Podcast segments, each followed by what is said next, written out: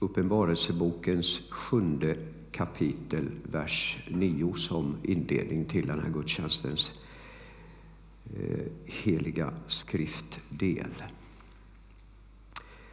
Därefter såg jag och se en stor skara som ingen kunde räkna av alla folk och stammar och länder och språk. De stod inför tronen och inför Lammet klädda i vita kläder med palmblad i sina händer.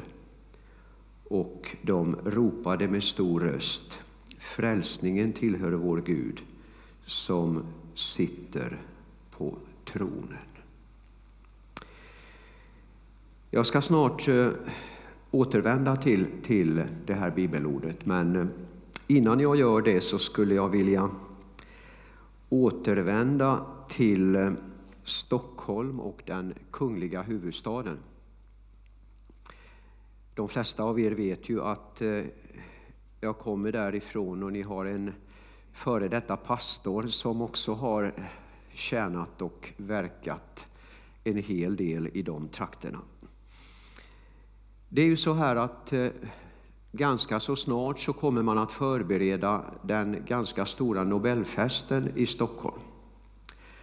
Och då brukar det ju strula till sig ganska mycket i de centrala delarna genom att man stänger flera gator och det blir liksom en mardröm för alla taxichaufförer att ta sig fram och hitta rätt genom att man inte kan köra på det gamla vanliga sättet.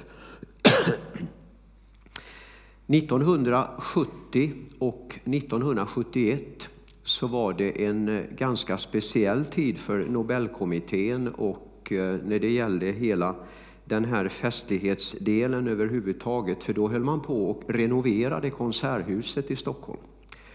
Och man hamnade i ganska, ganska svårt läge eftersom eh, man inte kunde ha prisutdelningsceremonin i Konserthuset och då visste man inte riktigt vad man skulle göra och hur man skulle lösa det här problemet.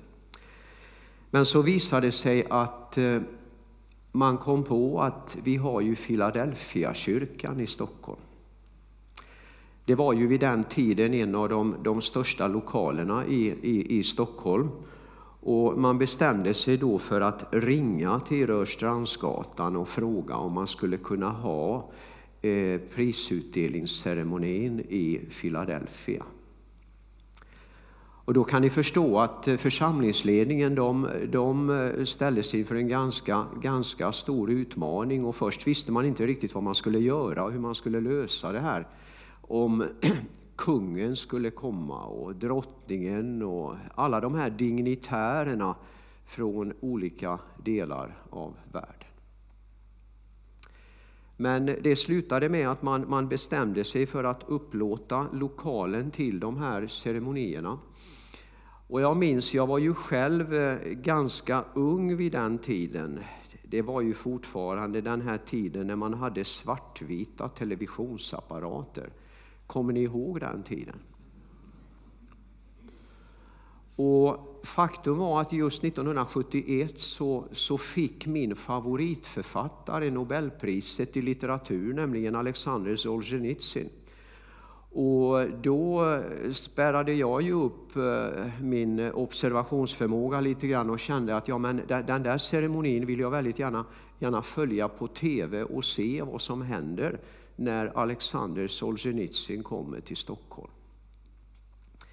Tyvärr var det ju så här att vid den tiden så var Leonid Brezhnev eh, generalsekreterare för kommunistpartiet. Han kom ju från Dnepropetrovsk, de delarna av Ukraina som har bombats vid senare tid. Och han fick ju för sig att eh, vi ska inte ge Solzhenitsyn eh, utresetillstånd till Sverige, så han fick inte komma till den här festen. Och arrangörerna bestämde sig då för att, att ställa en tom stol eh, vid podiet för att liksom påminna om att det fanns någon som inte kunde komma till prisutdelningsceremonin. Och jag kommer ihåg när jag tittade på tv och de zoomade liksom in den här tomma stolen eh, i samband med festligheterna. Och då började den, den helige Ande tala till mig om den här stora vita skaran i himmelen. Och jag kunde liksom se i min ande hur det fortfarande fanns liksom tomma bänkar och tomma stolar i den stora vita skaran i himmelen eftersom vi inte hade utbrett Guds rike till de områdena där alla de här onådda folkgrupperna fanns. Och det blev ett ganska starkt tilltal för mig och jag kände liksom att eh, när jag blir stor, då vill jag bli missionär. Och jag ska gå ut och, och berätta för några av de här att Jesus Kristus kommer snart tillbaka. Och de håller på och förbereder för fest. Och där vill vi att du ska vara med. Och det blev liksom det där lyftet och de här tankarna som betydde väldigt mycket för mig under lång tid framåt. Jag skulle vilja återvända lite till Jesu liv. Jag tror det var en av de sista helgerna som Jesus Kristus var här nere på jorden. Han hade varit och predikat i synagogan i Jerusalem. Och Eh, efter gudstjänsten, när folket började strömma ut från kyrkan, så stod lärjungarna och väntade på honom utanför. Och de var ju liksom lite stolta över huvudstaden, över Jerusalem och alla de här mäktiga byggnaderna som fanns överallt. Så att eh, de ville visa det här för Jesus. Ni kan läsa om det här i Matteusevangeliet 24 kapitel. Och när de står där och, och, och, ska liksom eh, göra den här guidade turen så är det liksom någonting i atmosfären som förmedlar den här känslan att det här kanske är några av de sista stunderna som vi är tillsammans med vår Mästare. Snart kommer han att lämna oss. Och jag tror var och en av er vet att när man är tillsammans med människor för sista gången, då blir det liksom det där lilla speciella och man försöker liksom plocka fram några av de här absolut viktigaste sakerna att, att tala om. Och som enkla människor så, så hamnar vi ju ibland i de här situationerna att vi faktiskt träffar människor för sista gången i vårt liv. Ibland känner vi det i atmosfären. Sen kommer det, det andra situationer när vi inte har en aning om att, att det här kommer aldrig att komma igen utan eh, det var då jag hade chansen att kanske berätta om Jesus. Men jag tog aldrig den. Och nu är tiden förbi. Men när Jesus var tillsammans med eh, lärjungarna så, så tror jag att eh, Petrus och Jakob och Johannes och, och hela den här skaran, de, de liksom anade att snart kommer Jesus att lämna oss. Så då la man sig på just den nivån att nu tar vi upp de viktigaste sakerna som vi har. Och lärjungarna kom till, till Jesus och frågade då, när ska det ske att du kommer tillbaka? Vad blir tecknet på din återkomst och tecknet på den här tidsålderns slut? Det var liksom det viktiga. Det var dit samtalet leddes när man förstod att snart lämnar Herren oss. Och då börjar Jesus berätta om att ni kommer att eh, höra om stridslarm. Eh, ni kommer att höra rykten om krig. Och Jesus går vidare och berättar hur folk kommer att resa sig mot folk och rike mot rike. Alltså ett av de första tecknen han nämner. Och Det jag har reflekterat över lite grann det är ju just det här etniska perspektivet, att Jesus betonar just det här att folk ska resa sig mot folk. Eh, jag hade en tid när jag jobbade för Internationella Bibelsällskapet och jobbade en del då med, med koordineringen av, av bibelöversättningar till bland annat de baltiska och de slaviska språken. Och då reflekterade jag mycket över det här att just ordet folk eh, är ju etnos eller ta etne på, på den ursprungliga grekiska texten som finns skriven. Så vad Jesus egentligen säger det är att, att etniska folk etnos ska resa sig mot etnos. Vi behöver inte gå så mycket, mycket tillbaka i tiden när vi liksom kan konstatera att det faktiskt har varit väldigt många etniska konflikter under de senaste åren som vi har levt. Jag tänker på forna Jugoslavien, ett rike som plötsligt liksom känner hur etniska grupper börjar kivas och det skapar spänningar och det eskalerar till krig och förödelse och människor dör i massor där man till och med talar om utrotning av hela folkgrupper. Det här är nästan det exakt samma som vi ser i Etiopien, ett av de här traditionella svenska missionsfälten. Det är det som pågår i Ukraina, där den ryskspråkiga befolkningen, den ukrainskspråkiga befolkningen inte kan, kan komma överens utan eh, det leder då till att folk reser sig mot folk. Och jag vet inte egentligen om, om du har reflekterat över mycket av det som sker i vårt Sverige.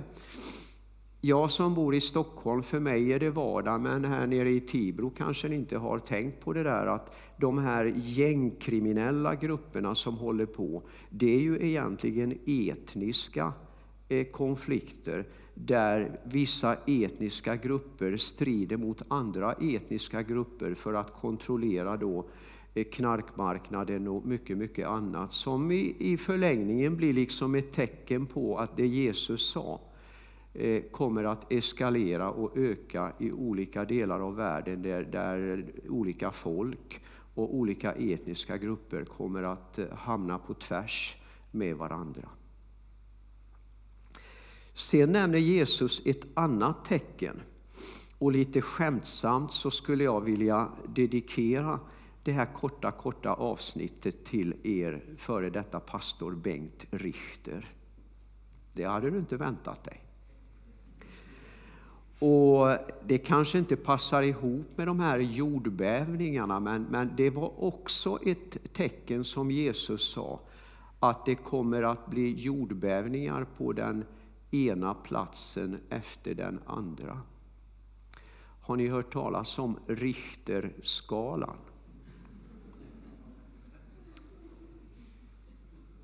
Vi har hört om jordbävningar i olika delar av världen, Thailand, Haiti, Albanien, Indien, Kina. Men visste ni att Sveriges seismologiska nät de har konstaterat att, att eh, om ni tar eh, siffran 2 på Richterskalan så är det 17 sådana jordbävningar i Sverige varje år. Och det ökar. Det var en jordbävning i Jämtland, 4,1 på Richterskalan. Och när man talar då med experter så försöker de liksom glida undan och de säger ungefär så här att ja, jordbävningarnas antal har inte ökat. Och det är ju intressant. Men antalet platser som jordbävningar sker på har ökat dramatiskt. Alltså det, det, det är fler nya platser, fler nya ställen. Och där ser jag återigen en koppling till det här bibelordet på den ena platsen efter den andra. Eller som en annan översättning säger, på många platser. Och det här tror jag också är ett tidstecken som vi kanske ska ta till oss. Jesus talar om hungersnöd. Och då skulle jag också vilja gå till eh, ett parallellt eh, bibel, en parallell bibel. Det är nämligen det som skrivs i Matteus evangeliet 24. Det finns ett parallellt avsnitt i Uppenbarelsebokens sjätte kapitel som jag brukar kalla för hästkapitlet. Har vi några häst eller travintresserade här? Det, det finns kanske, kanske några här. Eh, Uppenbarelsebokens sjätte kapitel, hästkapitlet. Eh, den vita hästen ger sig iväg. Sen den svarta hästen, den eldröda hästen. Och jag vet inte om ni har hört talas om den gulbleka hästen som faktiskt eh, Bibelns grundtext, grekiska texten, använder ordet kloros som syftar på klorofyll. Alltså den här gröna färgen som finns i, i trädens löv. Och egentligen så är det en grön häst som eh, går ut för att strida. Och en del vill eh, kanske lite elakt eh, eh, koppla ihop det här då med, med islam eller den gröna rörelsen och att det då kommer att på något sätt påverka händelsernas skeenden i slutet av tidsåldern. Men om vi tittar på den gröna hästen så skrivs det att när den ger sig iväg då blir det svärd, pest. Har ni hört talas om coronaepidemin? Det kanske ni har gjort. Eh, hungersnöd. Och flera av de här sakerna som Jesus lyfte fram som ett svar på den frågan som lärjungarna ställde. Vad blir tecknet på din tillkommelse? Vad blir tecknet på tidsålderns slut? Och här tror jag att vi som kristna kanske Eh, borde fördjupa oss lite grann i skrifterna och försöka se om det finns någonting skrivet som beskriver den tiden som vi kanske sakta, sakta är på väg att glida in i. Och Herren vill att vi ska vakna och förbereda oss för att han ska komma tillbaka för att hämta oss. Det som kanske är det mest eh, uppmuntrande tycker jag, det är att om vi går till Matteus 24 och 14 och egentligen det sista tecknet som Jesus nämner, det är att budskapet om riket ska förkunnas i hela världen och bli till ett vittnesbörd för alla etniska grupper. Sedan ska slutet komma. Förenade Bibelsällskapen gör ju hela tiden statistiska uträkningar på hur många språk och hur många folkslag som redan har Guds ord på sitt eget språk.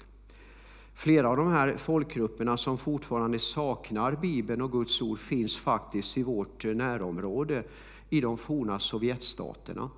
Eh, baltiska etnologer har konstaterat och identifierat 596 etniska grupper i Ryssland, Ukraina, Belarus och hela det gamla ryska imperiet.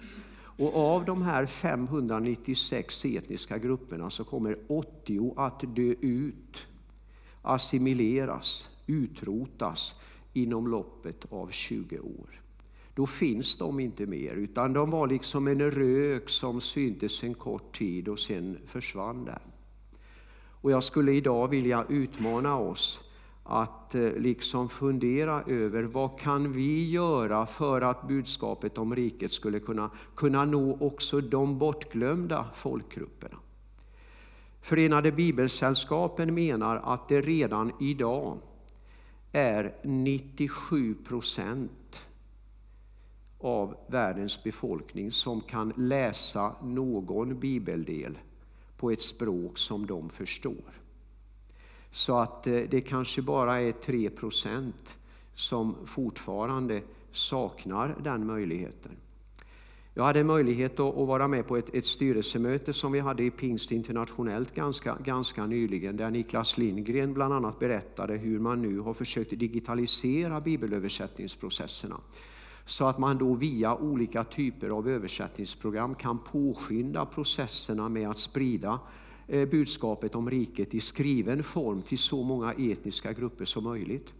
Och då är det några experter som menar att om, om då datorerna och de här digitaliserade programmen påskyndar och gör de första grovöversättningarna och sen stilister går in och gör liksom resten så, så skulle man fram till 2040 i stort sett ha slutfört bibelöversättningsprocesserna till alla världens språk. Visst låter det intressant? För mig blir det här liksom ett tecken på att slutet sakta närmar sig och det är dags att eh, göra oss redo för att ta emot vår Mästare Jesus Kristus. När kriget i Ukraina började den 24 februari så hade jag bara veckan innan kunnat resa runt med ledaren för den ryska pingstunionen i Helsingforsområdet och vi hade möten i olika församlingar. Och det intressanta var att när, när han eh, sista helgen besökte en av församlingarna då i Helsingforsområdet så berättade han sin levnadshistoria. Och det spännande är att eh, trots att han leder då Pingstunionen i Ryssland så kommer han från Ukraina, från Rivne, en av de här ukrainska orterna som ligger i de västra delarna. hette Rovno förr, idag kallar man det för Rivne. Och han berättade då hur han som 14-årig grabb hamnade på ett underjordiskt stugmöte någonstans ute på landsbygden i Ukraina. En ung grabb, hade väl inte riktigt mognat, men eh, han ville vara med på bönemötet tillsammans med, med gamla tanter och gamla farbröder. Och, och, i slutet av det här bönemötet då, så kommer det en äldre kvinna och börjar profetera till honom. Och profetian lyder ungefär så här. När du blir äldre så kommer jag att sända dig till ett folk vars språk du inte förstår. Till ett land där du aldrig har varit tidigare. Och där rider man på kameler. Visst var det lustigt? Men hur tror ni den här 14-åriga killen upplevde det här? Han tog det naturligtvis till sitt hjärta och han bar det inombords i nästan tio år när sedan glasnost och perestrojkan kom till de olika Sovjetrepublikerna. Och Gud började tala till, till, hans hjärta om att han skulle åka ut för att predika ordet i centrala Ryssland bland några av de här turkbesläktade folken. Ni vet, det bor nästan 20 miljoner människor i Ryssland som talar språk som är närbesläktade med turkiska. Och I den här lilla församlingen som han tillhörde i Rovno så, så, blev det liksom en missionsväckelse och ungdomarna bestämde sig för att göra en sån här team action-resa till centrala Ryssland och Vasili ville åka med den här gruppen på 20 ungdomar som skulle åka till Tatarstan. Eh, ni vet republiken där det finns en stad som heter Kazan. Det har ni hört talas om. Va? De är jättebra i ishockey, bättre än HV71. Jag tror de slog HV71 i en Europafinal för 16-17 år sedan. Så att eh, där kan de vinteridrott. Och Vasili Vasilij anmälde sig då till den här resan. Han skulle åka upp till Tatarstan och predika Jesus tillsammans med ungdomarna från församlingen. Och eh, det visade sig att ju närmare den här resan kom, så var det den ena efter den andra som eh, hoppade av. Det var liksom, eh, ja, jag kan inte för jobbets skull och jag har studier och tentor och eh, jag har inte råd. Och mina, för, mina föräldrar de lovade betala resan men, men eh, det, nu, nu säger de att de inte kan göra det och så vidare och så vidare och så vidare. Och på måndag när de sen skulle åka iväg så var det bara eh, Vasili, eh, hans bror och hans pappa pappa kvar i den här gruppen som skulle åka på den här teamresan. Och det gjorde de. De kommer till Kazan och ni vet sådana här stora pappersaffischer som man klistrar fast. Det försökte man distribuera i olika delar av staden. Och eh, på de här affischerna stod det då att det är möte i Kazans kulturhus på söndag klockan 14. Och de gick dit med stor spänning. Och när de kommer till Kulturhuset så, så finns det någonstans mellan 700-800 människor som har kommit till det här kulturhuset för att eh, få förbön, få möta Jesus Kristus, få uppleva helanden och så vidare. Och ni vet Vasilij han berättade att jag hade ju aldrig ens fått vittna i min egen församling. Jag hade aldrig predikat innan. Och jag skulle hålla huvudpredikan på den här gudstjänsten och på det här mötet. Så jag var jätterädd. Men jag bad till Herren att han skulle välsigna mitt vittnesbörd. Så de hade det här mötet och över 40 personer kommer fram för förbön och lämnar sina liv till Jesus Kristus. Och de planerar redan för dop nästa vecka. Men eh, när de åker till bilen där de övernattade de första dagarna så berättar Vasili att hans pappa och hans bror kommer till honom och säger Ja Vasili, du vet vi kom ju överens om det här i förväg att vi måste åka hem på tisdag för att, och vi kommer att be för dig. Vi kommer att välsigna dig. Och han kände sig fullkomligt maktlös, utelämnad. Men eh, han hade ju Herren Jesus Kristus.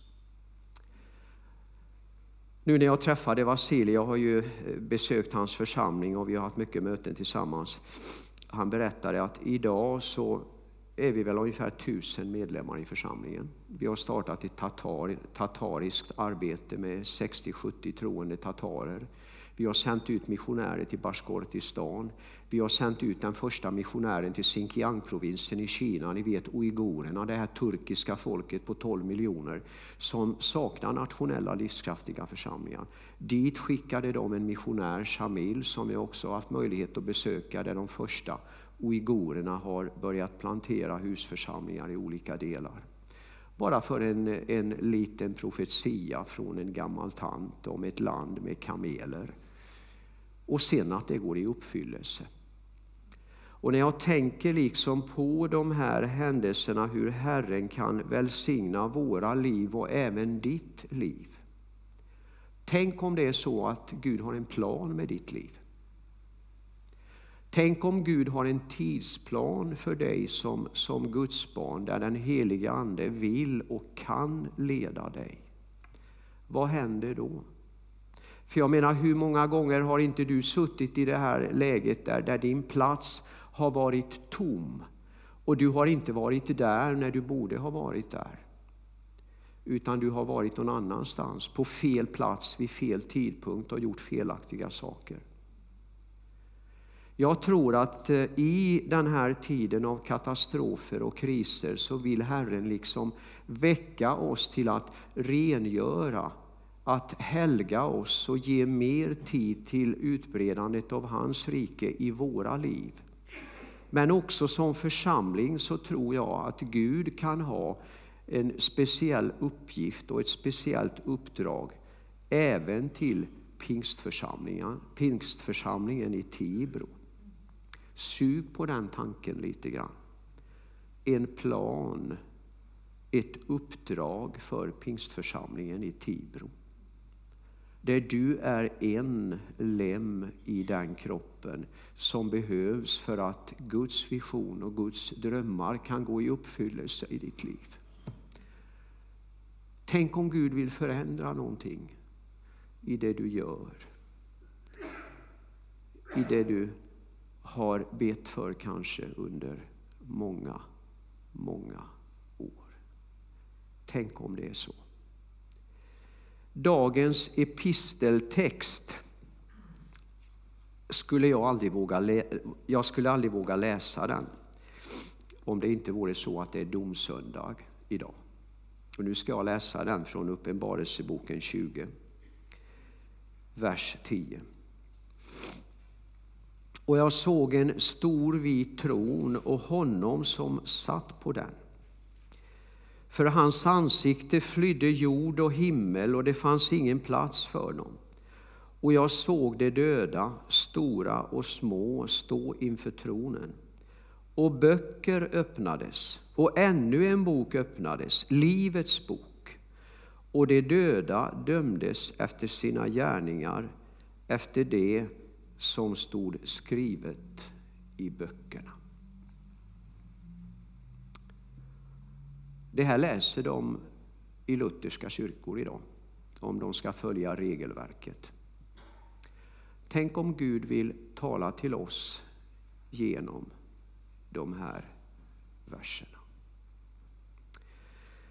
När Alexander Solzhenitsyn skulle få Nobelpriset i litteratur, då var det faktiskt en annan författare som var mycket mer känd i Ryssland än vad Solzhenitsyn var, nämligen Andrei Sinjavskij. Och han var en ganska speciell författare för att han var oliktänkande och dissident och han hade arresterats vid olika tillfällen. Och eh, hans böcker hade aldrig publicerats i Ryssland.